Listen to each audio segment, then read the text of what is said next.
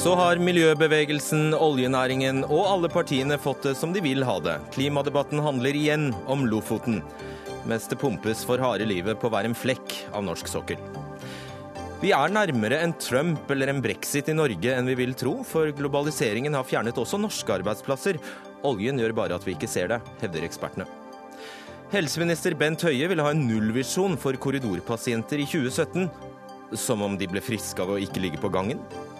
Og Storebrand vurderer å gi islamske lån uten renter, men tror noen Storebrand ikke har tenkt å tjene penger på de muslimske kundene?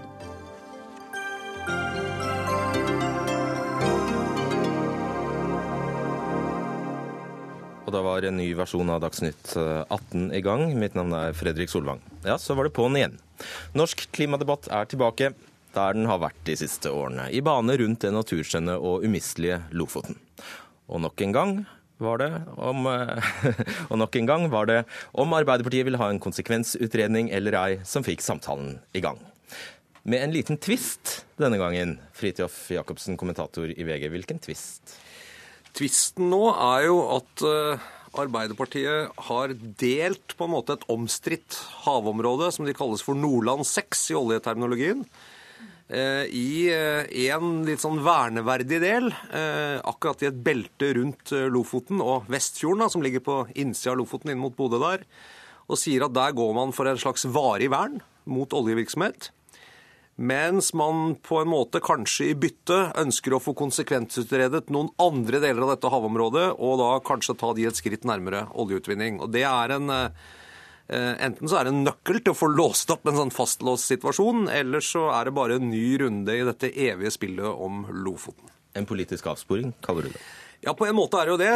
For det er jo en generell politisk stridsdebatt. Men det er jo veldig rart at uh, gjennom flere regjeringer nå, med partier, både SV og Senterpartiet og Kristelig Folkeparti og Venstre, som har vært veldig opptatt av norsk klimapolitikk, så har liksom Lofoten og akkurat oljeutvinning i et bitte lite sted hvor det ikke skjer noen gang i dag, vært liksom den store og definerende klimasaken, mens det har vært rulla på med full gass nå fra liksom hele Nordsjøen og helt opp til den nye delelinjen i Barentshavet, bortsett fra akkurat der. Så da, da, er man jo litt blind for resten når man bare ser på Lofoten. Hva er da grunnen til at vi aldri blir ferdig med Lofoten, Vesterålen og Senja? Fordi det er et veldig vanskelig sted å se for seg at det skal stå sånne oljerigger i horisonten, selv om min tidligere politiske redaktør Olav Versto, som dessverre ikke er blant oss lenger, syns at oljerigger i naturskinnende omgivelser var det vakreste som fantes i Norge.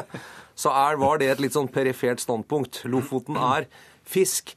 Det er tradisjoner, det er kulturlandskap, det er så mye vakkert. Og akkurat der krasjer liksom dette her oljens sånn stål og betong og brutalitet med det, og vernetanken slår inn. Men jeg tror ikke Lofoten har noe med klima å gjøre. Grunnen til at man kan liksom komme unna med å ikke åpne ett sted i Norge for oljeboring, er fordi man ser at det er sånn naturskjønt at man ikke ønsker noe akkurat der. Selv om det står mange oljeinstallasjoner andre naturskjønne steder i Norge uten at noen reagerer på det. Skal vi slippe å debattere med politikerne, Jacobsen, men jeg vil stille deg et spørsmål før vi slipper dem til. Da vi, da vi begynte med arbeidet med denne sendingen i dag, så hadde vi en plan om å la oss ringe fagmiljøene for å høre, stille dem det enkle spørsmålet. Er det tilrådelig å drive konsekvensutredning i dette området som Arbeiderpartiet nå har, har, sagt man kan gjøre det. Det som skjer, er altså at de skvetter unna, alle som vet, Polarinstituttet, CICERO, Havforskningsinstituttet. Ingen vil svare på spørsmålet vårt. Hvorfor ikke? Jeg vet ikke, altså Det å drive konsekvensutredning det skader jo ikke miljøet på noen måte. Det er jo klart det blir litt sånn dårlig inneklima å sitte og skrive disse store rapportene. Men, men det, er noe, det, er jo et helt ufarlig ting. Men, men grunnen til at det har blitt så mye debatt om noe som egentlig er såpass ufarlig som en konsekvensutredning, nemlig se hva skjer hvis vi her begynner å å lage oljevirksomhet i dette området. Ikke bare hva skjer med naturen, men hva skjer med arbeidsplasser, hvilke ringvirkninger kan vi få, hvor mye verdier kan vi tilføre samfunnet, er at miljøbevegelsen og en del av partiene har, har sagt at det er liksom et formelt skritt videre mot det som kan være oljevirksomhet. Nå er det fullt mulig å konsekvensutrede et område uten å bore til olje der. Det har, jeg tror Nordland 6 er konsekvensutredet på 90-tallet en gang. Det har aldri blitt noe oljevirksomhet der. Men, men, men, man skjønner hvis man er mot oljevirksomhet uansett, så vil det også være hensiktsmessig å kjempe mot konsekvensutredning til man eventuelt taper det. Og så kjemper man videre mot neste skritt, slik kampen fra miljøsida ofte er. Man, man, man, kjører alle liksom, juridiske spor helt til man, som også min tidligere redaktør sa, versto, til slutt så er det lenkegjengen, og så er slaget tapt. Jf. monstermassen her. Trond Giske, nestleder i Arbeiderpartiet. Hvilket standpunkt er det dere har inntatt? Nei, Vi har sagt at eh, rundt Lofoten, et belte på fem eh, mil, der skal det være petroleumsfritt. Det er en konsekvens av det Jacobsen sier her. Både de naturskjønne forholdene, men også selvfølgelig de næringene som lever av denne naturen. Reiselivsnæringa og ikke minst fiskeriene. Dette er Norges fremste fiskeriområde. Og du må avveie oljevirksomhet opp mot risikoen for at noe skulle skje. Og her sier vi her skal vi ha petroleumsfritt. Det er jo ikke noe nytt at Arbeiderpartiet mener det. Vi gjorde det samme i Finnmark da vi åpna Barentshavet. Vi sa det skulle være et bånd langs Finnmarkskysten på fem mil hvor det ikke skal være aktivitet. Vi gjorde det samme i Skagerrak da det var diskusjon om oljevirksomhet der. Så det at Arbeiderpartiet veier miljøhensyn opp mot eh, oljedriften, det har vi gjort eh, så lenge vi har drevet med det. Men dette punktet i programmet er nytt, for det sto tidligere Arbeiderpartiet for konsekvensutredning av petroleumsaktivitet i uåpnede deler av Nordland 6 og i feltene Nordland 7 og Troms 2. Det var det som sto der før. Så hvilken ny kunnskap sitter Arbeiderpartiet på som vi andre øyensynlig ikke har? Nei, men du kan si Vi gjør det en litt annen rekkefølge. I Barentshavet så konsekvensutreder man først, og så sa man en femmilssone langs kysten. Nå tar vi egentlig konsekvensen av at vi kommer til å måtte legge samme prinsippet til grunn rundt Lofoten, og sier at her er det uaktuelt å drive olje. Og det er jo også fordi at diskusjonen er veldig tydelig i Norge. Folk eh, sier eh, veldig klart fra at eh, rundt Lofoten så vil man ikke ha slike vakre monsterrigger som eh, Jacobsen eh, snakker om. Eh, men folk vil også ha en sterk oljenæring. så det er en politisk og ikke en faglig avveining? Nei, men det er, jo, det er, jo, selvfølgelig en faglig avveining også. Hvis du ser på kartene over hvor fiskeriene i Norge er sterkest og best, så er jo det et belte rundt Lofoten. ja, Men de fiskeriene var jo der i forrige program òg? Ja, men i forrige programmet så skulle vi konsekvensutrede. Eh, og også en konsekvensutredning ville ha ført til at noen områder hadde blitt åpna, og andre ikke ville blitt åpna.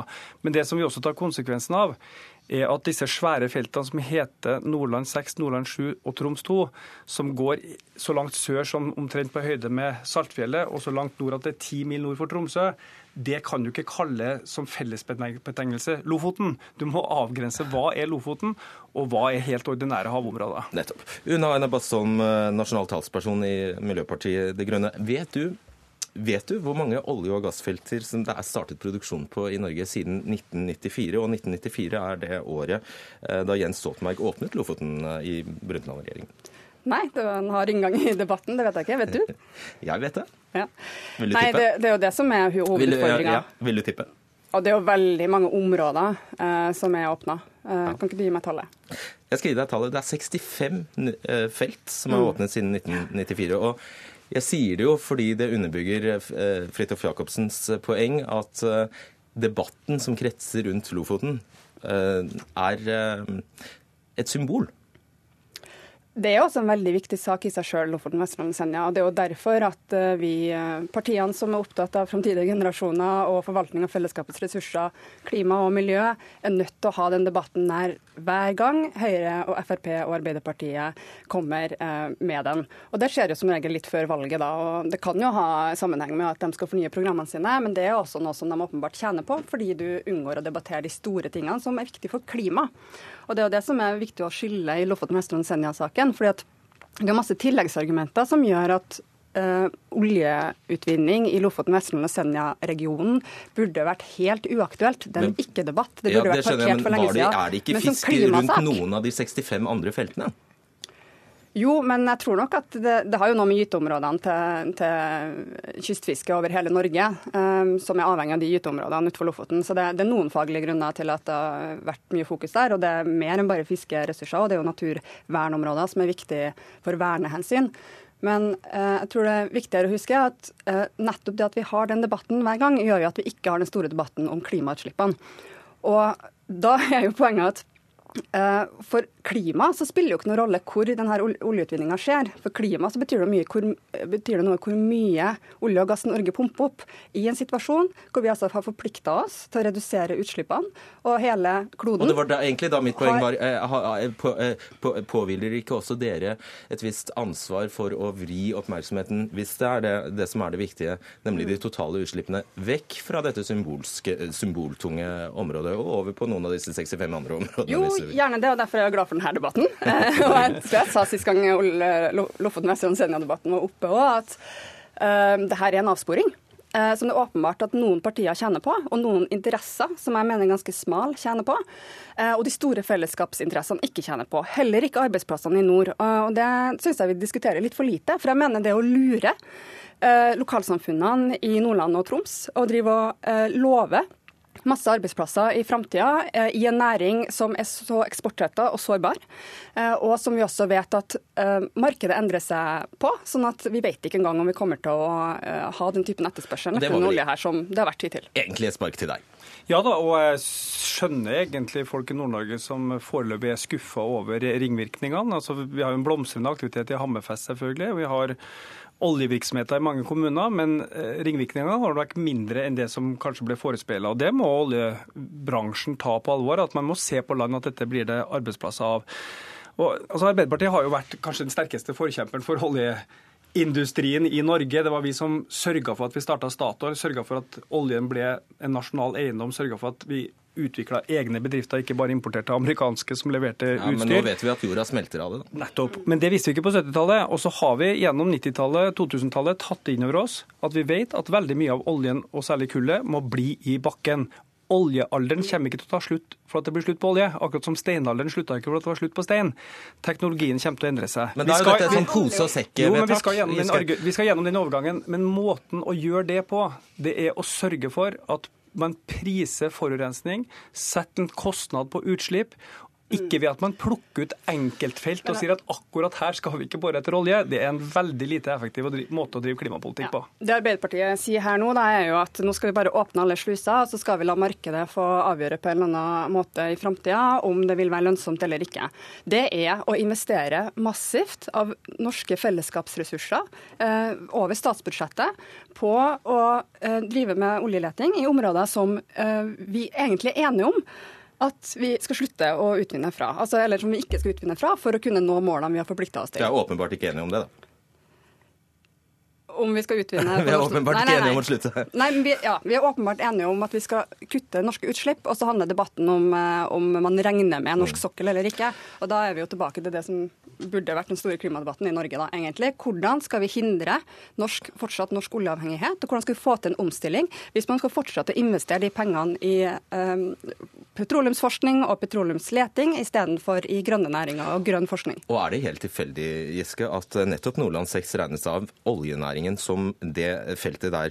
Man tror at halvparten av olje- og gassforekomsten i LoVC befinner seg. Altså det mest uh, lovende feltet. Nei, det, det er ikke tilfeldig at det er Nordland 6 vi ønsker å konsekvensutrede. Det er flere grunner til det.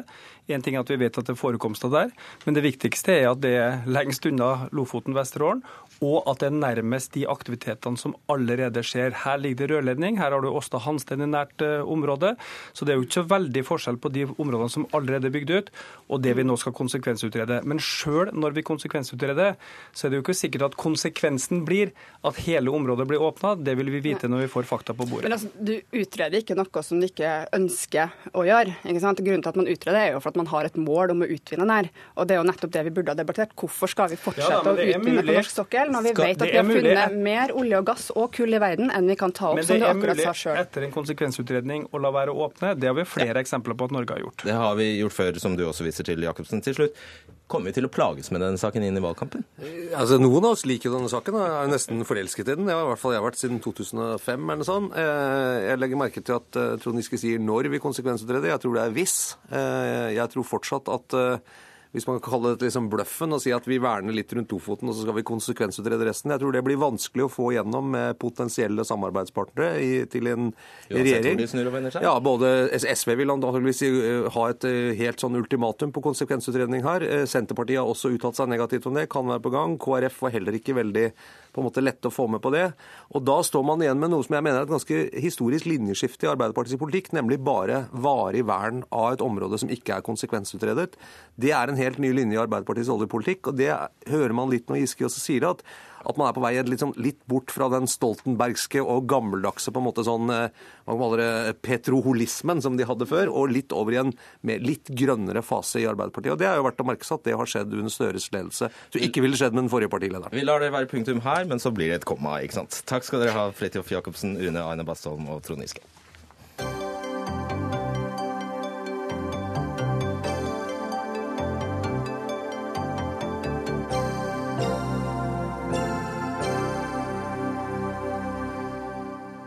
For nå skal vi snakke om at det finnes en rusliberal skravleklasse som driver en kampanje for å gjøre enkelte rusmidler til stuerene legemidler. Og det til tross for at det er tvilsomt om nytten oppveier risikoen.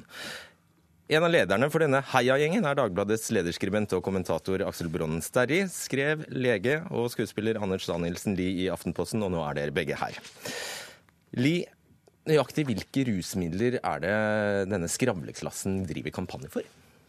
Eh, det er etter mitt syn eh, litt flere rusmidler, men, men, det middelet som kanskje har fått mest oppmerksomhet, er jo MDMA, eller medisinsk ecstasy. ecstasy. Ja, det er et middel som har vært slått opp stort i eh, media internasjonalt, i svære, seriøse nyhetsformidlere, som en slags revolusjon innen psykiatrisk behandling. Hva er det det skal kunne gjøre? Nei, det er et uh, I forskning nå så, så, er det hovedsakelig tre ting det forskes på. Det er uh, posttraumatisk stresslidelse, og så er det sosial angst hos uh, autister. Og så er det angst hos terminalt syke. Mm. Det er de tre indikasjonene som det er som det testes for. da. Så hva er skravleklassens jo, forbrytelse? Jo, men nå skal jeg bare fullføre det. Fordi at i disse, Det som er typisk for disse medieoppslagene som har eksplodert i løpet av de siste årene, og det er, det er godt dokumentert, det jeg nå sier, det er at eh, hvis du går inn i dem, så er påstandene basert på vitenskapelige studier eh, med eh, veldig få deltakere. Og selv om det er en dramatisk effekt i sånne små studier, så er det en stor statistisk risiko for at eh, de effektene er eh, tilfeldige, rett og slett. Så man trenger mye, mye større studier før man kan begynne å snakke om at dette er psykiatriens antibiotika, f.eks. Og jeg mener at det er litt uansvarlig å overselge et legemiddel som i tillegg har et ruspotensial, før den solide dokumentasjonen foreligger. Hva det kan føre til, da? Hva, hva, kan, hva er det det kan føre til? At de snakker så rosende om uh, den formen for uh, medikamentering? Nei, hvis du ser uh, litt historisk på psykiatriens og psykofarmakologiens historie, så er det ikke første gang at nye legemidler fremstilles med hallelujastemning i pressen. F.eks. i 1990 så var det forside i Newsweek. Prozac, a breakthrough drug for depression. Det var en voldsom mediebøss. Og man laget rett og slett et, et marked og en opinion for disse midlene. Mm. Og du, ja. du er cheerleader for denne opinionen. Eh, Aksel Bronnen Sterri, du er lederskribent og kommentator i eh, Dagbladet. Om du, om du antagelig ikke vedkjenner begrepet cheerleader, kan du i det minste se at du har gått i bresjen for um, ja, for, for, det, for, det, som betegnes her som stadige oppslag i media om, uh, om denne typen rusmidler? Eh, nei, altså det, det, som har vært mitt hovedvirke, eller hovedengasjement i uh, ruspolitikksaken, når vi skal kalle det stort, uh, er jo nettopp det dødelige forbudet vi har. Altså forbudet mot de ulovlige rusmidlene. Det har vært mitt primærvirke. Det det, det, er det meste jeg har skrevet om. Og så nevner Anders Hansen Lie en Facebook-post jeg har hatt. For de uinnvidde, hva sikter du til da? Eh, det dødelige forbudet? Ja, det, her har vi et uh, forbud mot uh, ulovlige rusmidler som uh, dreper 250 stykker av overdose, som bidrar til en global narkotikakrig som, hvor narkotikakarteller ødelegger land både i Latin-Amerika, Afrika og i Asia. Det er, måte, de, det, er, den store kampen som jeg er opptatt av å bekjempe. Vi må ha regulert omsetning av de rusmidlene som i dag er Og hvilke rusmidler er det? Ja, det er alle rusmidler fra, altså fra MDMA, om det er kokain, heroin. Vi skal ha dem i ulike ulike former. Eh, noen kan man tenke seg kan gå inn på et pol. Andre ting må inn på, måte, på resept, eh, som man tenker seg med heroin, som nettopp man gjør i, i Sveits mm. bl.a. Eh, når det kommer til det, det som er på en debatten som Anders Andersen Lie tar opp, det er en litt annen. Det er nettopp om kan det tenke seg at noen av disse rusmidlene også kan brukes i terapi eller brukes i behandling. Og der er jeg og andre blitt beskyldt for å måte, være cheerleadere for eh, denne forskningen. Eh, det jeg først og fremst ønsker meg her, er mer forskning. Nettopp som også jeg antar han gjør. Uh, og, men jeg, jeg, jeg, må innrømme at jeg er optimistisk på vegne av det. Altså Her har vi en del ting. Uh, om det nettopp er posttraumatisk stresslidelse, om det er uh, angst i møte med døden eller andre ting, som vi sliter med å ha andre gode eh, terapiformer eller behandlingsformer for. Eh, noe fungerer, men det er mye som ikke fungerer på mange mennesker. Og det er der jeg ønsker meg, eller iallfall er optimistisk med tanke på de nye rusmidlene kan brukes i ja, behandling. Um, jeg er veldig glad for din omsorg for, eh, for pasienter som har et dårlig behandlingstilbud. Um, og så er jeg helt enig i eh, at eh, narkotika, for å bruke et eh, tullete ord, bør avkriminaliseres. Og jeg er også veldig enig i ditt opplegg for hvordan man kan regulere stoffer. Så det er ganske mye vi er enige om, faktisk. Ja, Men det prinsipielle anliggendet ditt er om man kan behandle, behandle, mentale lidelser med ja, rus? Ja, og det kan hende. Men jeg er veldig skeptisk til, som lege, at man uh, tar den seieren for gitt at man liksom eh, spretter champagnen før disse legemidlene går inn i det man kaller for storskalastudier. Eh, det er litt over halvparten av legemidler som er kandidater for storskalastudier, som, som blir godkjente. Så det er, en stor andel legemidler som ikke kommer til å bli det.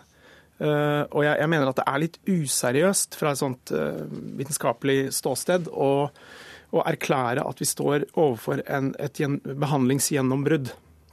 Jeg mener okay, det er uansvarlig, og det er en annen ting også oppi dette.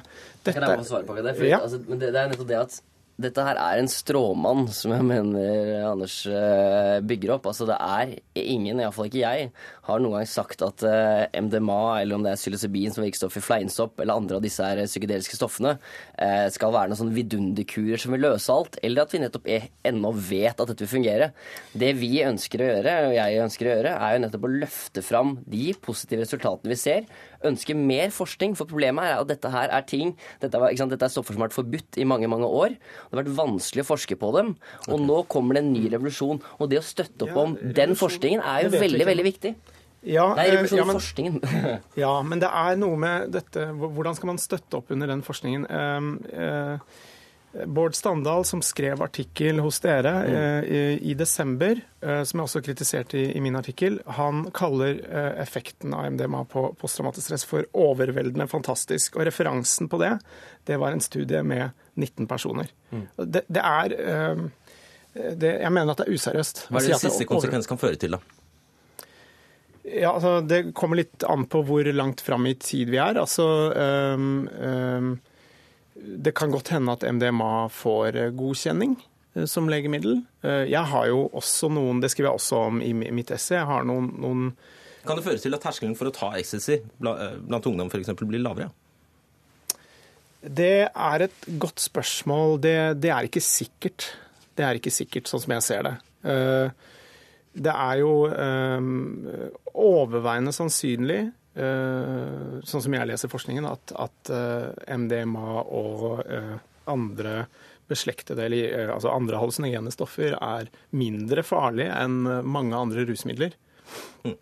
Det er det. Men ja. Men jeg tror ikke jeg, jeg, jeg vil svare ja på det spørsmålet. Det er på en måte faren ved det som kan se ut som skjønnmalende beskrivelser av et stoff, brukt i en klar terapeutisk eller medisinsk situasjon. Mm. Det er ingen tvil om at mange som syns at disse stoffene er spennende i utgangspunktet, vil tenke at hm, se her, dette her er jo er noe man blir frisk av.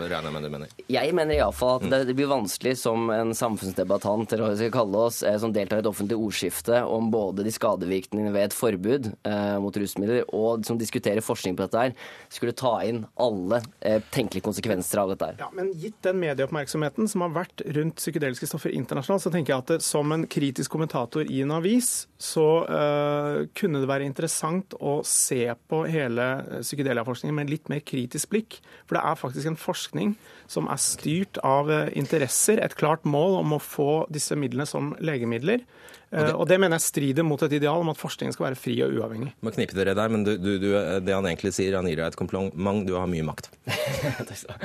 Takk skal du ha. Anders Danielsen Lie og Aksel Brandestad.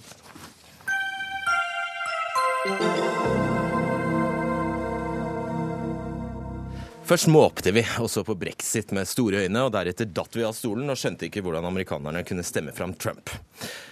Men hvis vi tror de økonomiske forutsetningene som skapte både brexit og Trump, ikke finnes her i Norge, må vi tro om igjen. Også her er tradisjonell industri lagt ned, arbeidsplasser er flyttet ut. Flere ledd i bedriftenes verdikjede er outsourcet, som det heter. Og mange private bedrifter er solgt til utlandet eller fusjonert med store selskaper. IT-avdelingene forsvinner til lavkostland. Og først og fremst, når oljepengene tar slutt, kan vi ikke lenger kamuflere at alle nye jobber de siste årene har gått til arbeidsinnvandrere. At vi har nær nullvekst i norsk økonomi, og at kampen for tilværelsen blir hard også her. Velkommen til denne hyggestunden. På troppene sjeføkonom i LO Roger Bjørnstad og Elisabeth Holvik, sjef, Holvik, sjeføkonom i Sparebanken.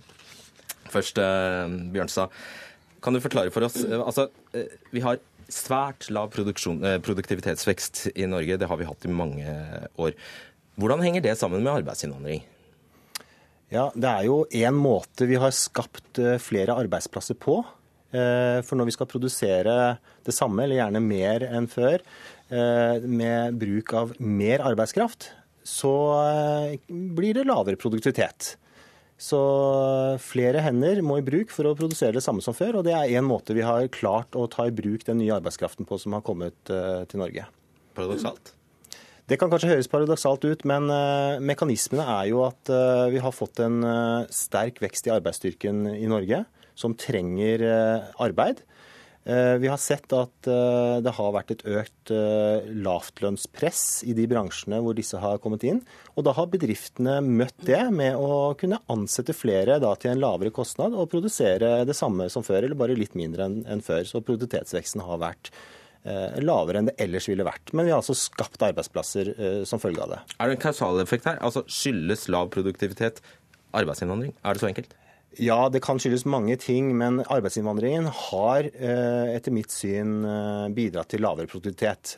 Og det er på mange måter den mekanismen som vi har skapt arbeidsplasser med. Mm. Elisabeth Holvik. Eh, industriproduksjonen i Norge sank med 3,5% i fjor. Ligger på rett over null, bare. Hvor dårlig, eller hvor lite bærekraftig er det? Altså Hvis du ser litt tilbake i tid, så på begynnelsen av 90-tallet så hadde Norge en stor krise. Du hadde boligkrise, bankkrise og etter voldsom høy kostnadsvekst i norsk økonomi på 80-tallet. Så fikk du en moderasjonslinje og et solidaritetsalternativ, og så økte industriproduksjonen kraftig i mange, mange år. Og så fikk du oljeboomen med høy oljepris og høye oljeinvesteringer, og industriproduksjonen økte kraftig. Nå er vi falt tilbake til nivået på 1990-tallet. Men eh, i mellomtida så har jo lønningene steget kraftig, kostnadene har steget kraftig, offentlig sektor har est ut. Og vi tror vi er veldig rike. Men en skal huske at veldig mye av den veksten som har drevet opp økonomien de siste 10-15 årene, det er at vi har blitt mye mer forgjelda internt i Norge. Og så har vi et veldig stort oljefond som gjør at vi tror vi er veldig rike. Mm. På hvilken måte utarmes norsk industri? Ja, altså Hvis en ser til USA, så har jeg gjort, MIT har gjort et fantastisk arbeid. Eh, Hva er det for noe, MIT? Eh, Massachusetts Institute of Technology. Det er kanskje verdens beste universitet, som eh, avslutta et enormt forskningsprosjekt i 2013, der alle greiene av universitetet bidro med å med å eh, analysere og intervjue over 250 bedrifter for å se hvordan innovasjon skjer i praksis, sant? ikke bare i teori. Så de gikk og ned og spurte bedriftene hvis du får en god idé, hvordan får du satt det ut i produksjon og ut til å skape arbeidsplasser. Og Det de opplevde, det var at eh, veldig mange av de puslebitene i det en kan kalle et industrielt økosystem, der du har eh, produksjonsbedrifter, du har Alle underleverandører få... Alle disse, ja. sant. Det har blitt veldig mange hull i disse, fordi en har flytta produksjon, en har flytta IT ut av landet, en har, eh, en har, gjort bedriftene slankere og dermed gjort de mindre eh, samarbeidende internt. Og alle disse små puslebitene har etter hvert utarma muligheten til USA til å drive med verdensledende innovasjon. Og selv hvis du tenker på Apple, sant? kanskje mm. det du tenker på med innovasjon, de produserer alt i utlandet. De har, og det vi ser er at det, det er samme trenden som har vært i USA, det har skjedd også i Norge. Men vi har kunnet kamuflere det ved å ansette veldig mange inn i offentlig sektor og ved at vi hadde oljeboomen. Sant? Men når den nå faller, så Og vi bruker, altså underskuddet på statsbudsjettet før en bruker oljepenger, er over 7 sant? Så dette... Og da vil dette komme til syne. Så la, meg, la oss komme til konklusjonen først. En Trump eller en brexit, det er mulig her? Ja, absolutt. Fordi eh, det som du ser nå, det er at ungdomsarbeidsledigheten stiger. Og den stiger da i nye grupper eh, i samfunnet som ikke har den samme tilbøyeligheten som den opprinnelige befolkningen med å bare ta en ekstra mastergrad. Sant? Så, det, så arbeidsledigheten vil kunne bite seg fast på en helt annen måte enn vi har sett før. Og vi har ikke den samme komplekse industri eh, Altså det er færre som jobber i industrien. Det er færre cluster rundt på mm. Vestlandet som kan løfte og skape arbeidsplasser. Når er det vi vil få øye på dette, Bjørnstad? Altså at, uh, at vi, har, slett, vi har disse hullene? Ja, altså Vi har jo opplevd at eh, etterspørselen etter arbeidskraft er utfordret pga. komplekse ting, men eh, alt bunner egentlig inn i globalisering, spørsmålet. Og vi i Norge og også andre vestlige land har opplevd en tilstrømming av arbeidskraft gjennom migrasjon. Så både tilbud- og etterspørselssiden i arbeidsmarkedet virker nå eh, på samme måte og skaper utfordringer i arbeidsmarkedet for å holde sysselsettingen høy. Eh, dette har vi i Norge klart å kamuflere for så vidt godt. Eh, men det er ikke varige virkemidler vi har tatt i bruk. Vi har fått en rentenedgang. Eh, til et rekordlavt nivå. det, det er, ikke mulig å sette ned noe? Det, nei, altså det er 0,5 styringsrente i Norges Bank i dag. Eh, andre land har null eller til og med minus lite grann, men eh, vi har ikke veldig mye mer å gå på, og praktisk talt ingenting. Vi har oljeinvesteringer. Før denne siste oljenedturen i 2014 så har oljeinvesteringene bidratt til å øke sysselsettingen i Norge voldsomt. Eh, og vi har også hatt eh, offentlig sektor og bruken av oljepenger gjennom eh, offentlige budsjetter. Og alle disse tingene det har skapt mye arbeidsplasser og kamuflert på en måte noen av de utfordringene vi nå vil oppleve framover. For nå er ikke renta mulig å sette ned, oljeinvesteringene faller, og oljepengebruken er nødt til å flate ut. Og Da spør jeg deg om det samme. Er det mulig å tenke seg en reaksjon i Norge som den vi har sett i USA og Storbritannia mot dette her? Det er jo viktig at uh, gevinstene fra teknologi og globalisering kommer alle samfunnslag til gode. Ellers så vil det skape sosial uro og frustrasjon. Eh, også i Norge. Eh, Norge har gode tradisjoner for å sikre nettopp dette. og Derfor også er vi et av verdens mest sosialt stabile land. Og jeg tror også vi har virkemidlene til å klare det framover, men vi må være bevisste på hvilke utfordringer vi har. Finnes de samme økonomiske forutsetningene i, til stede i Norge som i Storbritannia, som altså førte dem rett ut av uh, hele EU, eh, Holvik? Ja, jeg frykter det. Fordi altså, vi, vi, har en sånn oppfatning om at vi er så rike og at vi er så flinke og innovative. Og, men hvis du skraper litt i det, så ser en at det oljefondet vil jo bli brukt opp til allerede lova pensjoner. Eh, du kommer til å oppleve at veldig mange bedrifter nå blir solgt ut til utlandet pga. at vi har en særnorsk sær norsk skatt på norsk eierskap. Eh, vi ser at vi har veldig veldig mye av pengene i Norge i dag har blitt kanalisert inn i boligmarkedet. Men det er ikke sikkert at det er reelt, sant? for det har vært drevet av veldig høy gjeldsvekst. Hvis du ser på kommune, kommunene, så har de økt gjelda kraftig lenge før eldrebølgen kommer. Sånn at vi, vi, vi, står foran en veldig krevende omstilling av norsk eh, økonomi. Både fordi vi må omstille næringslivet, vi må skape flere arbeidsplasser. Og vi gjør det på kanten av en stor eldrebølge og med en høy gjeldsvekst, mm. eller høy gjeldsgrad. Eh, du sier Bjørnse, at eh, man stå, står overfor to hovedvalg. Enten så kan man da akseptere et lavtlønnsspor, der man uh, sier at disse arbeidsinnvandrerne de får ta til takke med lavere lønn, eller så får man kompetanseheve hele gjengen. Hva tror du? Eh, og, og, at, og, at, det første, for så vidt, er, den debatten er i gang i Sverige. Man snakker om såkalt innslusingslønn. Hva tror du vi ender med? Jeg tror og håper vi kjører kompetansesporet. Det er på den måten vi sikrer eh, alle gevinstene fra globaliseringen. Men kommer det ikke bare nye til, da? Vel, det må jo håndteres på en uh, god måte. Og hvis man skal jobbe i Norge, så må man ha den kompetansen som det norske arbeidslivet etterspør. Det er på den måten vi kan sikre full sysselsetting og stabile sosiale vilkår. Fordi du, det Premisset ditt er på en måte at i Norge aksepterer vi rett og slett ikke så store sosiale forskjeller som vi ser i, ser i andre land, som da forårsaker sinne, aggresjon og sosialt uh, Det som vi har klart i Norge, på en, eller Skandinavia kan du si, på en god måte, det er å forene globaliseringen. Vi har vært tidlig ute med å åpne våre markeder, og også da delta i verdensmarkedet selv. Eh, og eh, ha en eh, stabil og, godt fordelt sosial profil. Hvorfor hører vi ikke om disse forgotten I USA snakket jo Trump om de forgotten menn. Altså de som, som da hadde tapt på globaliseringen og følte seg var marginalisert og hadde opplevd reale lønnsnedgang i årevis, desillusjonert, glemt av eliten. Hvorfor hører vi ikke om disse norske, for du hevder jo egentlig at de finnes her? Ja, vi, vi, hører ikke om det fordi de i dag har blitt uh, kjøpt ut i form av trygd og i form av uh, en jobb i en kommune eller i staten. Så en har hatt råd med de enorme oljeinntektene og en veldig positiv demografi i veldig mange år. Så har ikke det vært noe problem å ha litt ekstra folk i, i uh, offentlig sektor og på trygd og ut, utenfor arbeidslivet. Men det vil ikke, vi har ikke råd til det i framtida. Og, og, det er veldig interessant med det 'forgotten men'. Det er et sosiologisk begrep som egentlig forklarer at når eliten skal gi til stadig flere verdige formål, så pålegger de de i midten til å betale.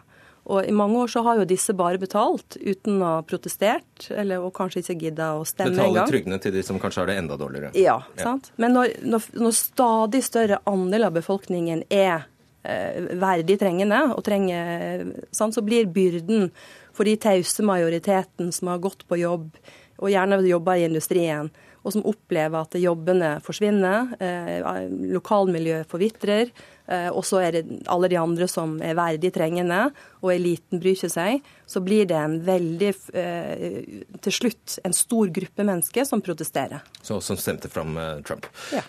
Er dette et varsko, Bjørnstad? Ja, og vi har sett eh, også denne utviklingen i norske tall, eh, men eh, i en begrensa del av arbeidsmarkedet.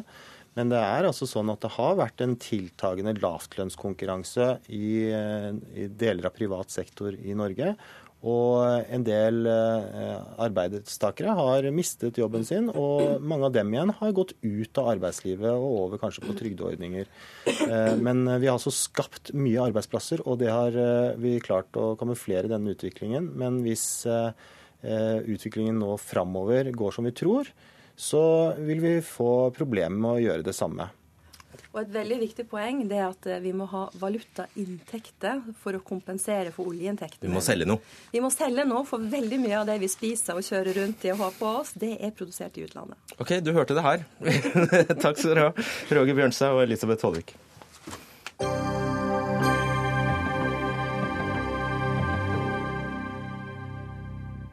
Har du noen gang vært på sykehus og forundret deg over at pasienter ligger på gangen? Ja, De såkalte korridorpasientene ender opp på gangen fordi det er mangel på sengeplasser. Og det vil helseminister Bent Høie ha en slutt på.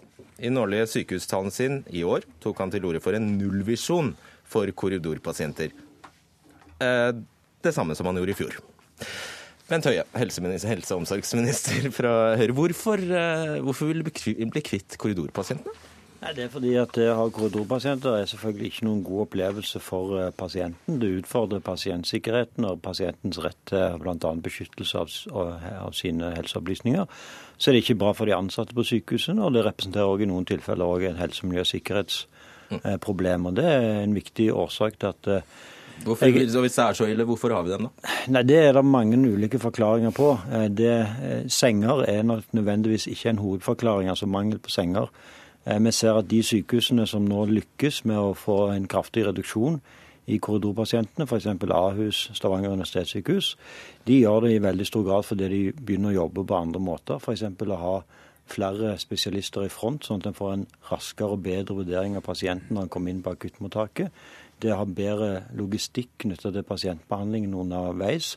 Og en del av de tingene som jeg tok opp i dagens sykehustale, f.eks. at det er ganske stor variasjon mellom sykehusene et sykehus i Norge, hvis du blir operert for mandlene, så blir du lagt inn natten over, i all hovedsak. Mens på et annet sykehus i Norge, så vil du i all hovedsak bli sendt hjem samme dag.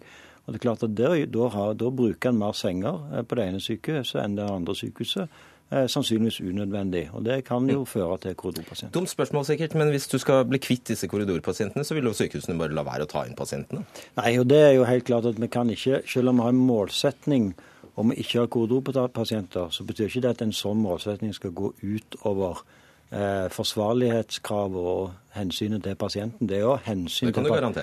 Ja, det er jo hensyn til pasientene at vi skal redusere antallet korridorpasienter. Men sånn som nå f.eks. er vi inne i en krevende influensasesong. Da har det jo en tendens til å hope seg opp på sykehusene. Eh, og da vil det jo være galt om vi hadde avvist pasienten i døra fordi Så da skal ikke nullvisjonen din gjelde, da? Nei, det er ikke den måten det jobbes på. Dette er et styringssignal til at ledelsen skal prioritere arbeid og finne løsninger for at det skal være, ikke være korridorpasienter. Og det ser vi virker.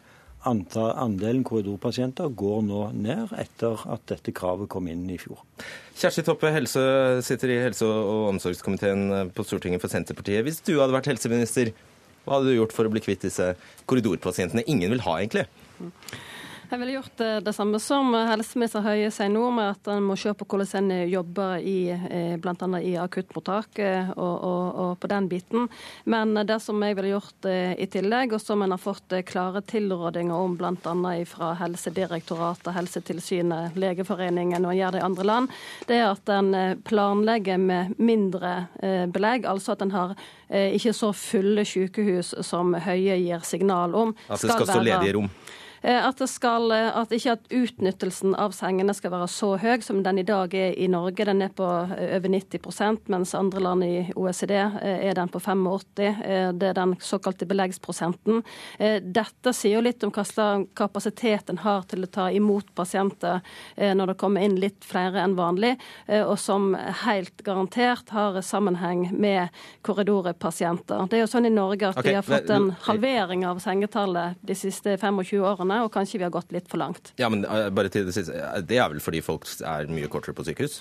Ja da, det er òg derfor. Eh, Men vi har jo blant eh, den den aller korteste liggetida på sykehus i hele Europa. Så det er mange parameter som tyder på at eh, vi kanskje har gått altfor langt eh, eh, på, på, på tross av utviklingen som er naturlig, men at det er eh, veldig eh, knappe ressurser og knappe med sengekapasitet på norske sykehus. Senk grensa for belegg fra 90 til 85, så er du kvitt problemet sitt.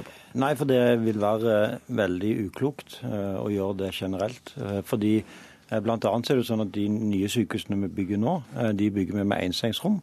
Eh, det, gjør, eh, det gjør jo at en kan ha en mye bedre utnyttelse av rommene. F.eks. en trenger ikke ta hensyn til om det er mann eller kvinne, eh, som vi måtte gjøre før. Det gjør en helt annen trygghet i forhold til å eh, gjøre rommene rene, unngå infeksjoner osv. Det betyr at på de avdelingene der en har en liten andel eh, øyeblikkelig hjelp-pasienter, eh, så kan en eh, ha en høyere beleggprosent når en har ensengsrom.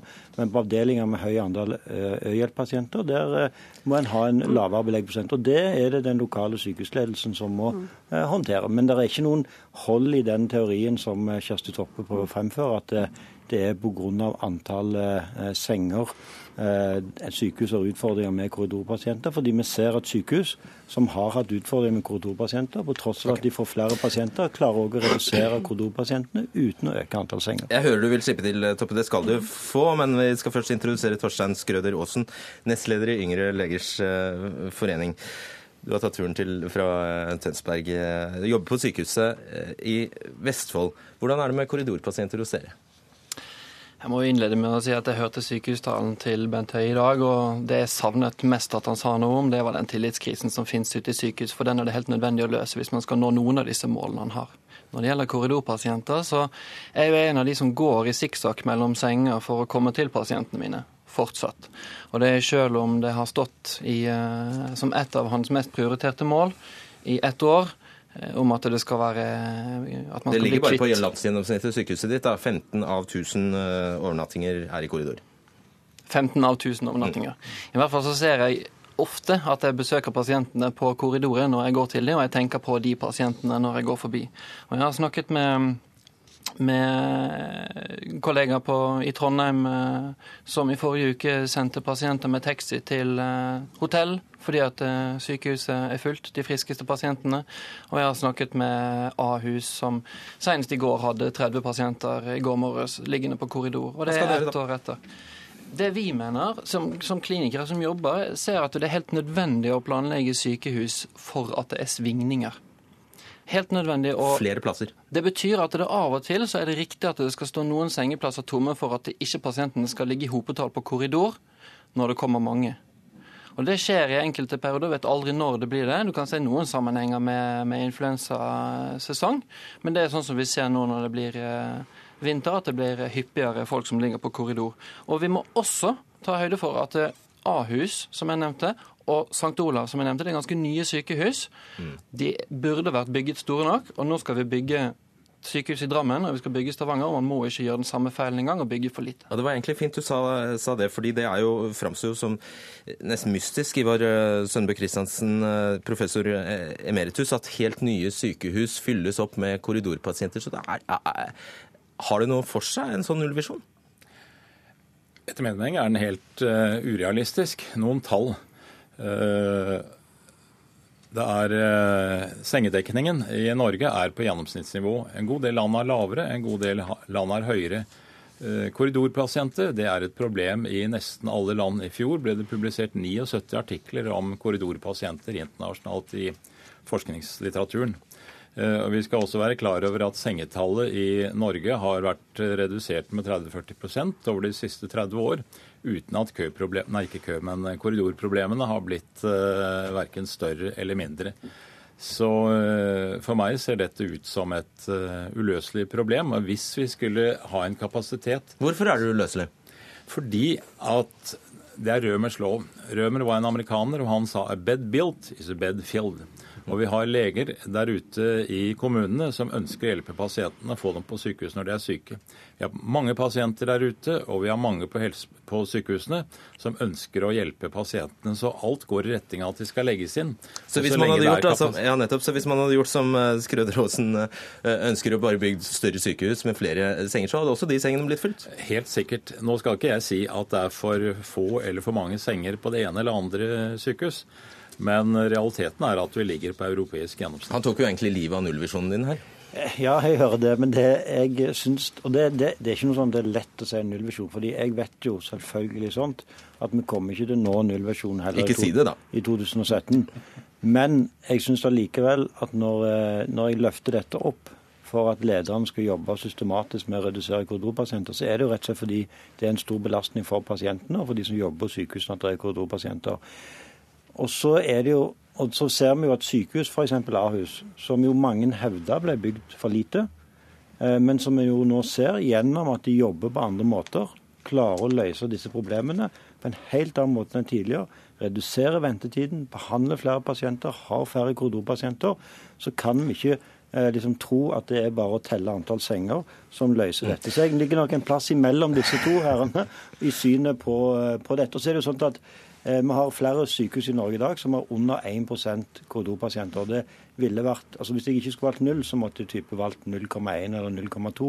og da synes jeg at Det høres finere ut med nullvisjon. Null er et godt eh, mål å strekke seg Ja, det høres finest ut. Eh, Toppe, eh, hvis dette er som, eh, som Kristiansen hevder, et notorisk og evigvarende eh, problem, at det ikke handler om antall senge, sengeplasser, så har heller ikke du noen, da har heller ikke du noen resept? Eh, jeg eh, sa at det er flere ting en må gjøre, du ha flere virkemidler. Men å definere ut eh, at sengetall har noe med dette å gjøre, sånn som helseministeren gjør, det blir jo veldig urealistisk. Og da være troverdig. Da er en ikke troverdig i dette problemet, for senger har jo òg å senge opp mot behov det har eh, helt klart eh, en betydning. Og eh, jeg stiller meg jo spørsmål hvordan en som helseminister og en politisk ledelse kan se helt vekk ifra de internasjonale anbefalinger om å bygge sykehus opp mot en 85 %-grense på belegg på sykehussenger. I Helse Sør-Øst bygger de alle nye sykehus med 90% og det skal ha ingen som helst konsekvens, bare fordi det er enmannsrom. Altså, den kjøper ikke jeg. Men Kjersti Toppe, selvfølgelig har senger noe å si. Det er jo så front at Hvis du ikke hadde hatt senger på et sykehus, så hadde det vært fryktelig mange korridorpasienter. Så det, det, er meningsløst. Men det er sånn at det å ensidig fokusere på det, vil ikke bringe oss ut av situasjonen. Og så er det sånt riktig at når det gjelder pasientavdelinger med mange øyehjelppasienter, så må en ha en lavere beleggprosent enn men det en eh, Enn det en har. Men de flere og flere av pasientene våre kommer inn til dagkirurgisk behandling. Flere og flere får planlagt behandling. I de avdelingene kan en ha høyere Ja, beleggsprosent. men den eh, Nei, du får ikke svar på det, Toppe. Okay. Sorry. Eh, Skrøder, eh, hvordan tror du ikke sykehusene bare vil trikse hvis de får et sånt altså Denne nullvisjonen, vil ikke den bare føre til at hvis du som, at du som hjertepasient kan havne på lungeavdelingen, og så er plutselig er du ikke korridorpasient? Vips. Vi, ser jo at det skjer i dag. Vi ser jo det at eh, Hvis det er fullt på en avdeling, så blir en pasient tilhørende f.eks. hjertepasient lagt på en annen avdeling. Og Det ser vi også. Vi har eksempler på at det kan være ganske farlig for pasientene. Fordi at det pleiepersonalet der, og til en viss grad de legene som prøver å følge opp, ikke har kompetansen til å vurdere de like godt som de eh, legene og sykepleierne som vanligvis jobber ved en sånn avdeling. Og Det er eh, viktig å, å se på dette på hver enkelt avdeling. men det vil også ikke, altså Ingen er uenig i Bent Høies mål.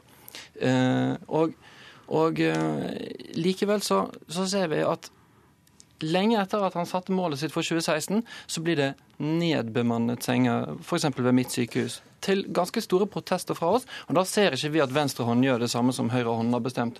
Og det, det er jo et lite tankekors. Jeg får så strenge blikk fra vaktsjefen nå at jeg tør ikke ja, men jeg tør ikke la det slippe til. Jeg, si at jeg snakket om utfordringen knytta til dialog mellom ledelse og de ansatte i min sykehustale, så det må ikke få bli stående at jeg ikke nevnte den utfordringen som han tok opp Du fikk siste ord. Takk. Bent Høie, Kjersti Toppe, Torstein Skrøder Aasen og Ivar Sønbø Kristiansen.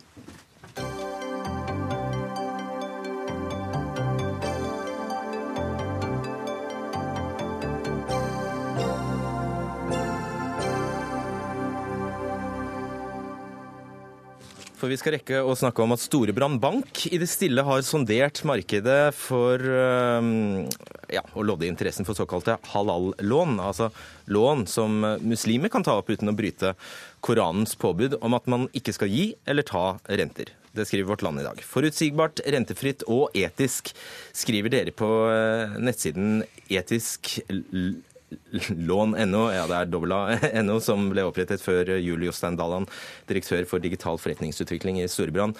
Rentefritt, det vil vel da si at muslimene skal få låne gratis?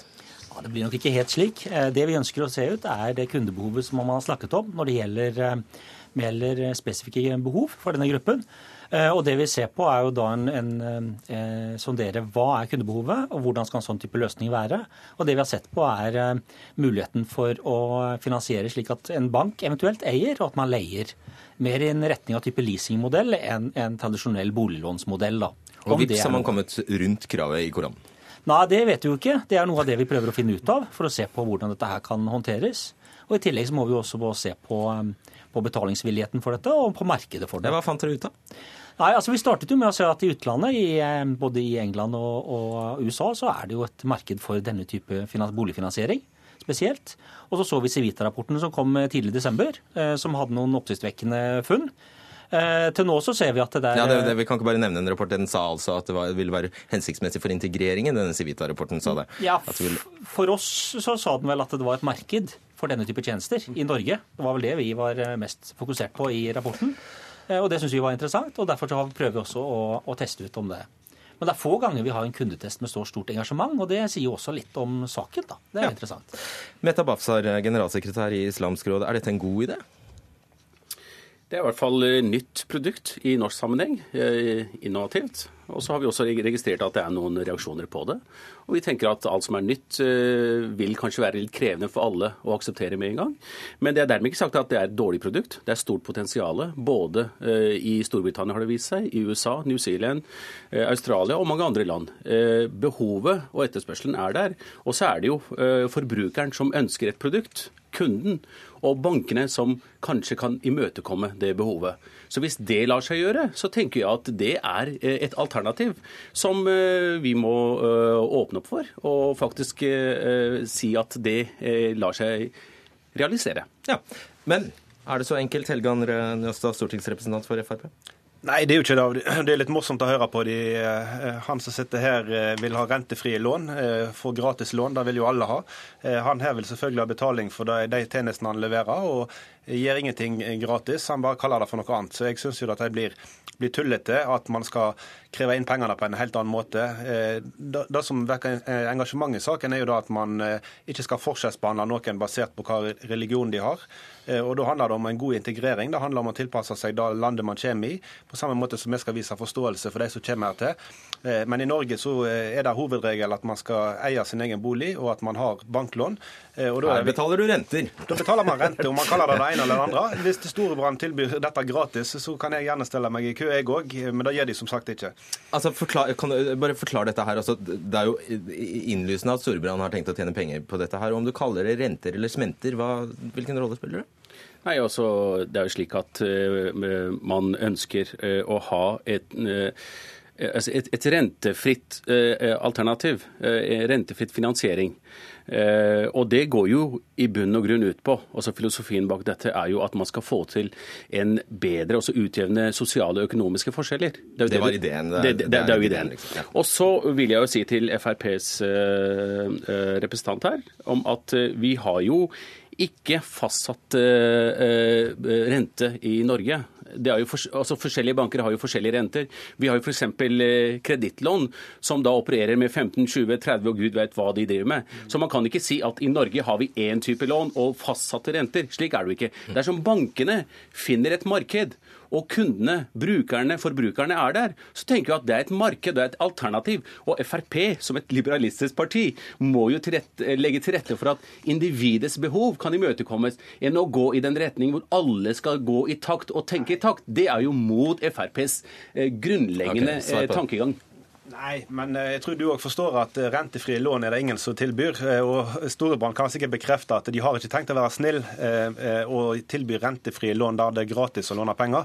Eh, hvis det er det som er hensikten, så må Storebrand gjerne gjøre det i en konkurransesituasjon. Men her ønsker man å tilby et produkt for å omgå på en måte en formulering ved å kalle det noe annet. og da blir det for, for Er ikke du liberalist? Hvis det er marked for det, så er det vel marked for det? Jo da, men hele poenget her er jo at man eh, henvender seg til myndighetene at man vil ha rentefradraget, eh, men ja, ikke betale rente. Og det, og det, er det som er poenget, og der er jeg glad for at Siv Jensen er, er, er klokkeklar. Og så kan vi òg minne om at det står i Bibelen at man ikke skal ta rente. Det gjør men det. Mm. i Mosebok nummer fire eller tre. Vi har bare glemt det. Ja. Men Dalan, eh, det er et poeng. For skal dette bli likt andre For at ikke dette, disse islamske lånene skal bli 28 dyrere eh, enn alle andre lån, så må det en lovendring til. Ja, men Før du går inn på det, så tror jeg det er et par ting jeg vil si. da. For det første så er vi jo fokusert på kunden, og vi skal likebehandle kundene. Det som eh, vi ønsker å se, er, er det en kundegruppe som føler seg underbetjent, og som føler man ikke har et godt produkt eller en tjeneste i dag. Det er det vi søker å finne ut av. da. Så kan du si at hvor vi står per i dag, så fremstår det at et, et produkt som vi eventuelt skulle lansert, vil fremkomme mer komplekst og mer krevende, og høyst sannsynligvis mer, eh, mer kostnader enn dagens boliglånordning rundt det. Men vi er ikke kommet dit hvor vi sier at eh, at, eh, at, vi skal ha lovendring i det hele tatt. Det har vi heller ikke adressert til det. Vi ønsker rett og slett å se på hva er markedet rundt det, og hva er kundebehovene knyttet til dette. Men, ja, litt av poenget er vel at det kanskje det vil kreve lovendring hvis det ikke skal bli 28% dyrere. og Hvem, hvilken, hvem vil ha det? Et lån og som er 28 dyrere? Og Før Storebrand så har jo, har jo faktisk DNB eh, jobbet med dette konseptet eh, for mange år tilbake. Så de har allerede... Men de skrinla det? Ja, men det betyr ikke at de ikke, ikke, ikke holdt opp å si, gjenoppliver det. Men eh, dette eh, tilbudet er er jo ikke bare for muslimer, det er jo for alle alle kan benytte seg av dette. Og Det er jo det som er, er, er, fantastisk med det. og Derfor så mener jeg at det argumentet blir veldig feil å si at dette er islamsk og dette er muslimsk. Og Særlig når det har vært et vellykket prosjekt i andre land, så tenker jeg at Norge Og igjen, dette er et voksende marked. Du kan ta deg et halal-lån du også, Njåstad. Du, du hørte jo at det ble dyrere. Storbritannia bekrefter jo nå at man skal lage et dyrere produkt. Eh, er det ikke bedre da å rettlede eh, medlemmer og andre til å si at man faktisk kan benytte seg av det, rimeligste lånet, og at man eh, skal gjøre sånn som resten av nordmenn, at man skal sette bankene opp mot hverandre å velge de produktene som er best? Kjære deg, Det er jo opp til forbrukeren når jeg går på et kjøpesenter, om jeg ønsker å kjøpe Gucci-sko, eller om jeg ønsker å kjøpe ja, okay. sko nei, Og nå vet alle at Storebrand planlegger. Så er det opp til Det er jo forbrukerne Takk. som må få lov til å bestemme. Vi må Der. Det er over. Takk. Jarand Ree Mikkelsen, Finn Lie og Fredrik Solvang sier god kveld.